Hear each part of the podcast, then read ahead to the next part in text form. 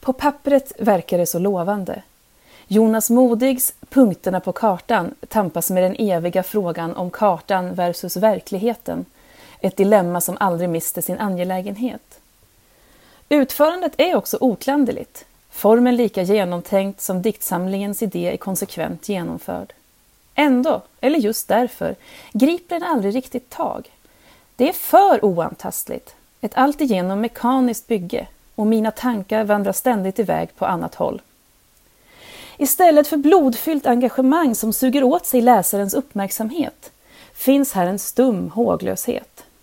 Om diktsamlingar kunde förses med kliniska diagnoser skulle jag säga att punkterna på kartan är lindrigt deprimerad.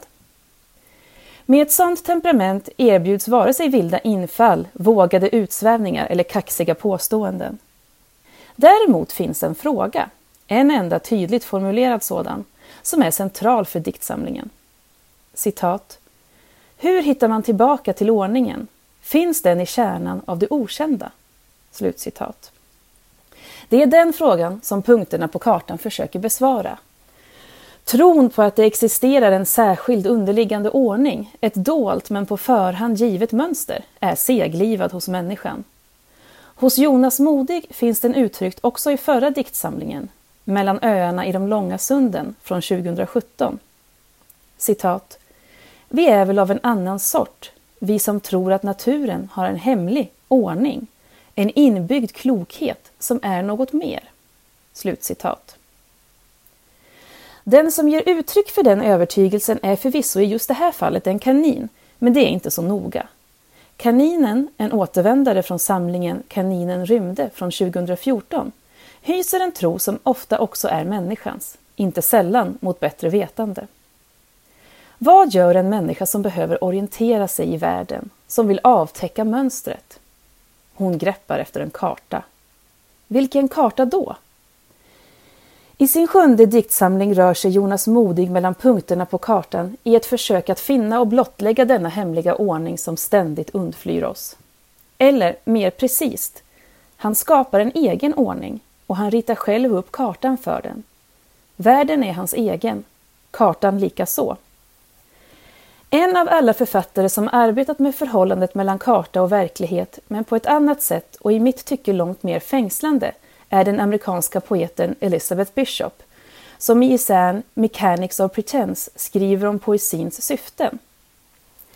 Vi behöver, menar Bishop, erkänna att vårt aktuella språk inte motsvarar de aktuella tingen, men låtsas att detta språk finns och på det viset tvinga språket att bli till. Det handlar om att poesin, genom ett ständigt prövande och utvidgande, kan hitta språkets blinda fläckar. Det liknar kartritarens arbete. Att så detaljerat och precis som möjligt återge det som tidigare varit terra incognita och därmed samtidigt skapa verkligheten på nytt, i en form vi kan använda oss av för att förstå den bättre. På samma sätt knuffas språket i den riktningen när vi agerar som om det kunde motsvara verkligheten utanför. Ett slags poetikens fake it till you make it. Det är utifrån den premissen Bishop arbetar med kartan som idé i sin poesi. Det kartritandet, det språkarbetet, pågår också i Jonas Modigs Punkterna på kartan, men på ett annorlunda vis. Modig tycks dela Bishops uppfattning om språkets betydelse för vår perception av världen, men är samtidigt mindre intresserad av relationen mellan kartan och den faktiska verkligheten.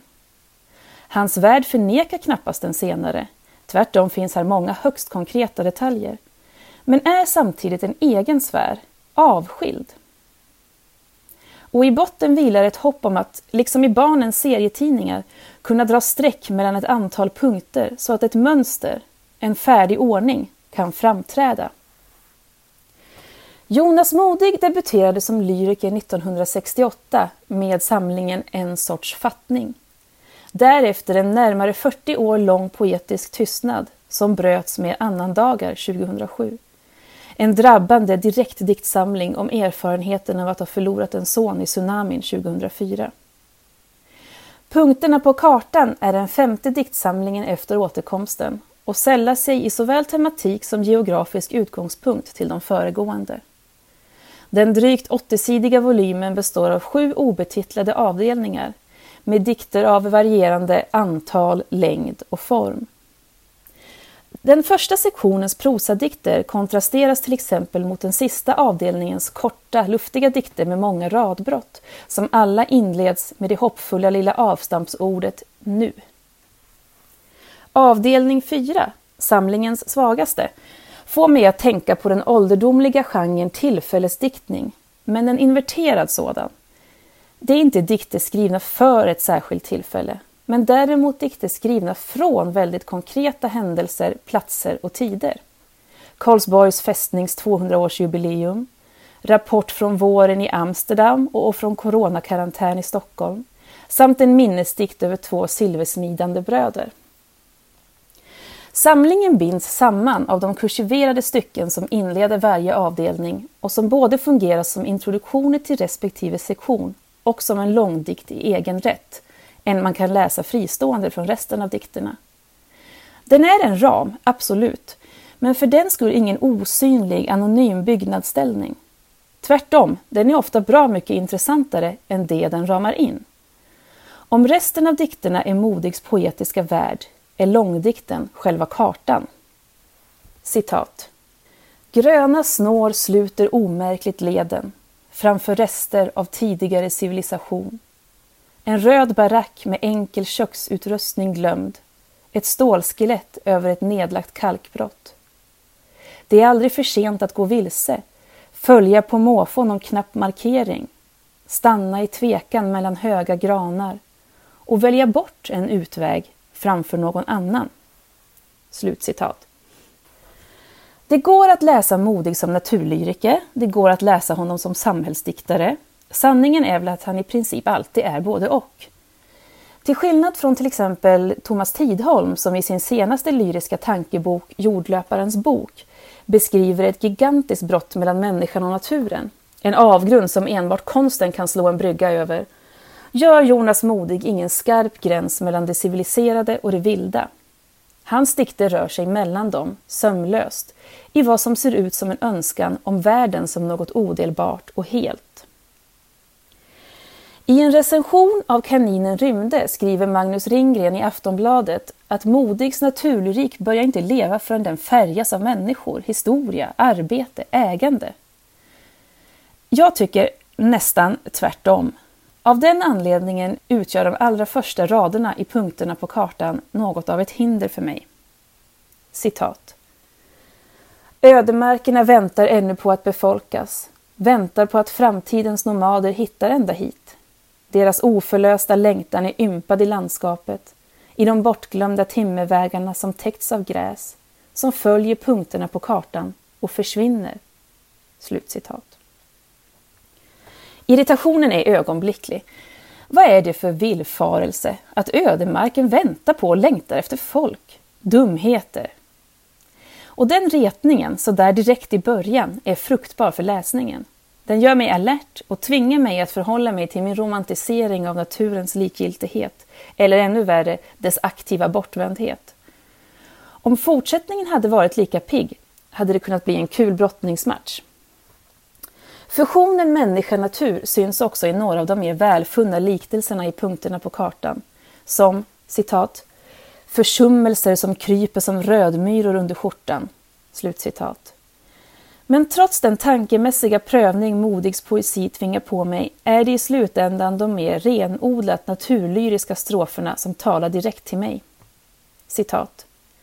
Kartan ritas inte om så länge Morkullan håller kursen ängen tung av nattens regn.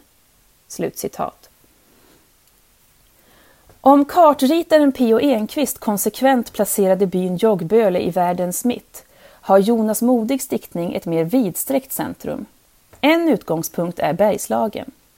Som Bergslagen-diktare brukar Modig jämföras med Lars Gustafsson, men man kan också dra ett streck på släktträdet till en prosaist som Sven-Olof Karlsson vars båda novellsamlingar Västmanland och Årsboken till stora delar utspelar sig i Bergslagen. Jonas Modigs dikter har sitt hem i dessa geografiska trakter, ibland mellan raderna och ibland högst konkret. Citat.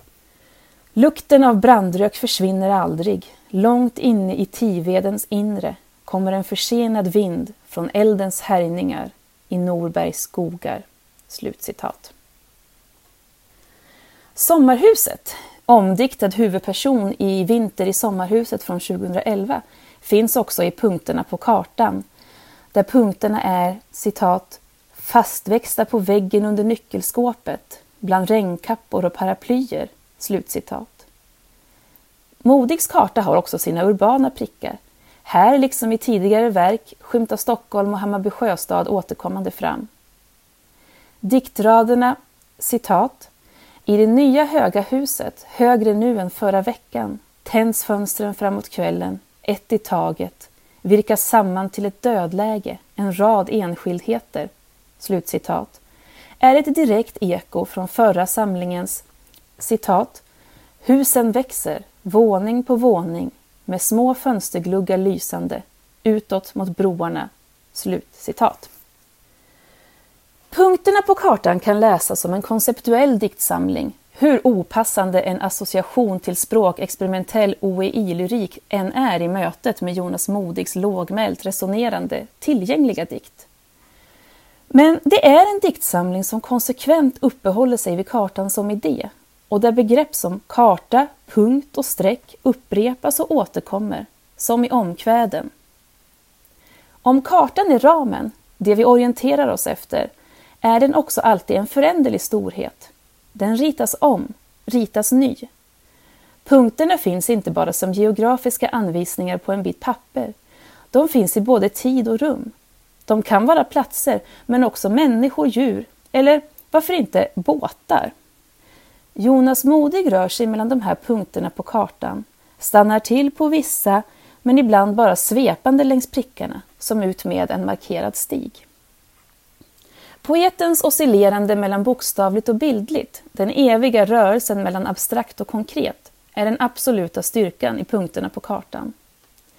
Men så ger samlingen det där intrycket av att vara inlåst i sin idé om kartan. Eller kanske snarare tvärtom. Den bärande bjälken, kartan, idén, är mycket intressantare än den poesi som fått gestalta den. Även om P.O. Enquist lätt storhetsvansinnigt placerade hembyn i kartans mitt, gjorde han det med utsträckt hand och i förbindelse med omvärlden. Jonas Modig ritar en karta över en egen värld. Inget fel med det, men problemet är att hans universum blir tillslutet. Läsaren står på trottoaren utanför festen och utan giltigt inbjudningskort.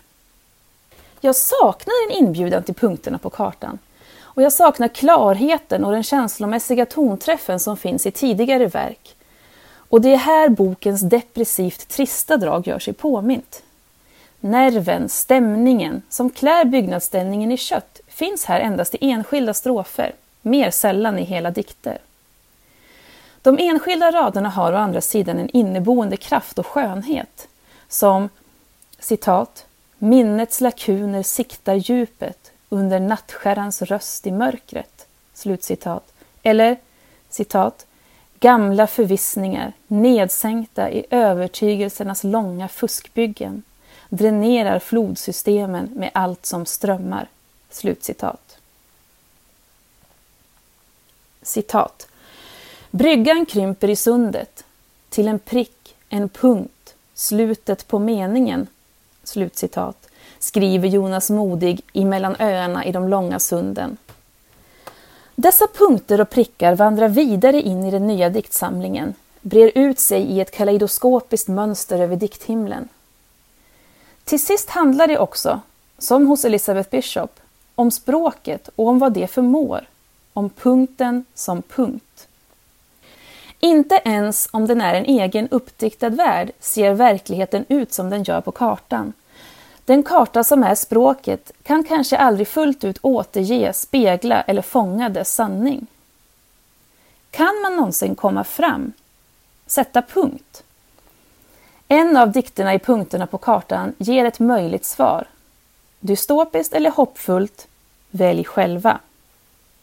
Citat. Indragen linje på väg ut igen. Ut över marginalens snäva andrum. genom svärmarna av skiljetecken, övermodets, undanflykternas och tveksamhetens gester. Språket imploderar, faller ihop och rundar av sig, hittar till slut en punkt.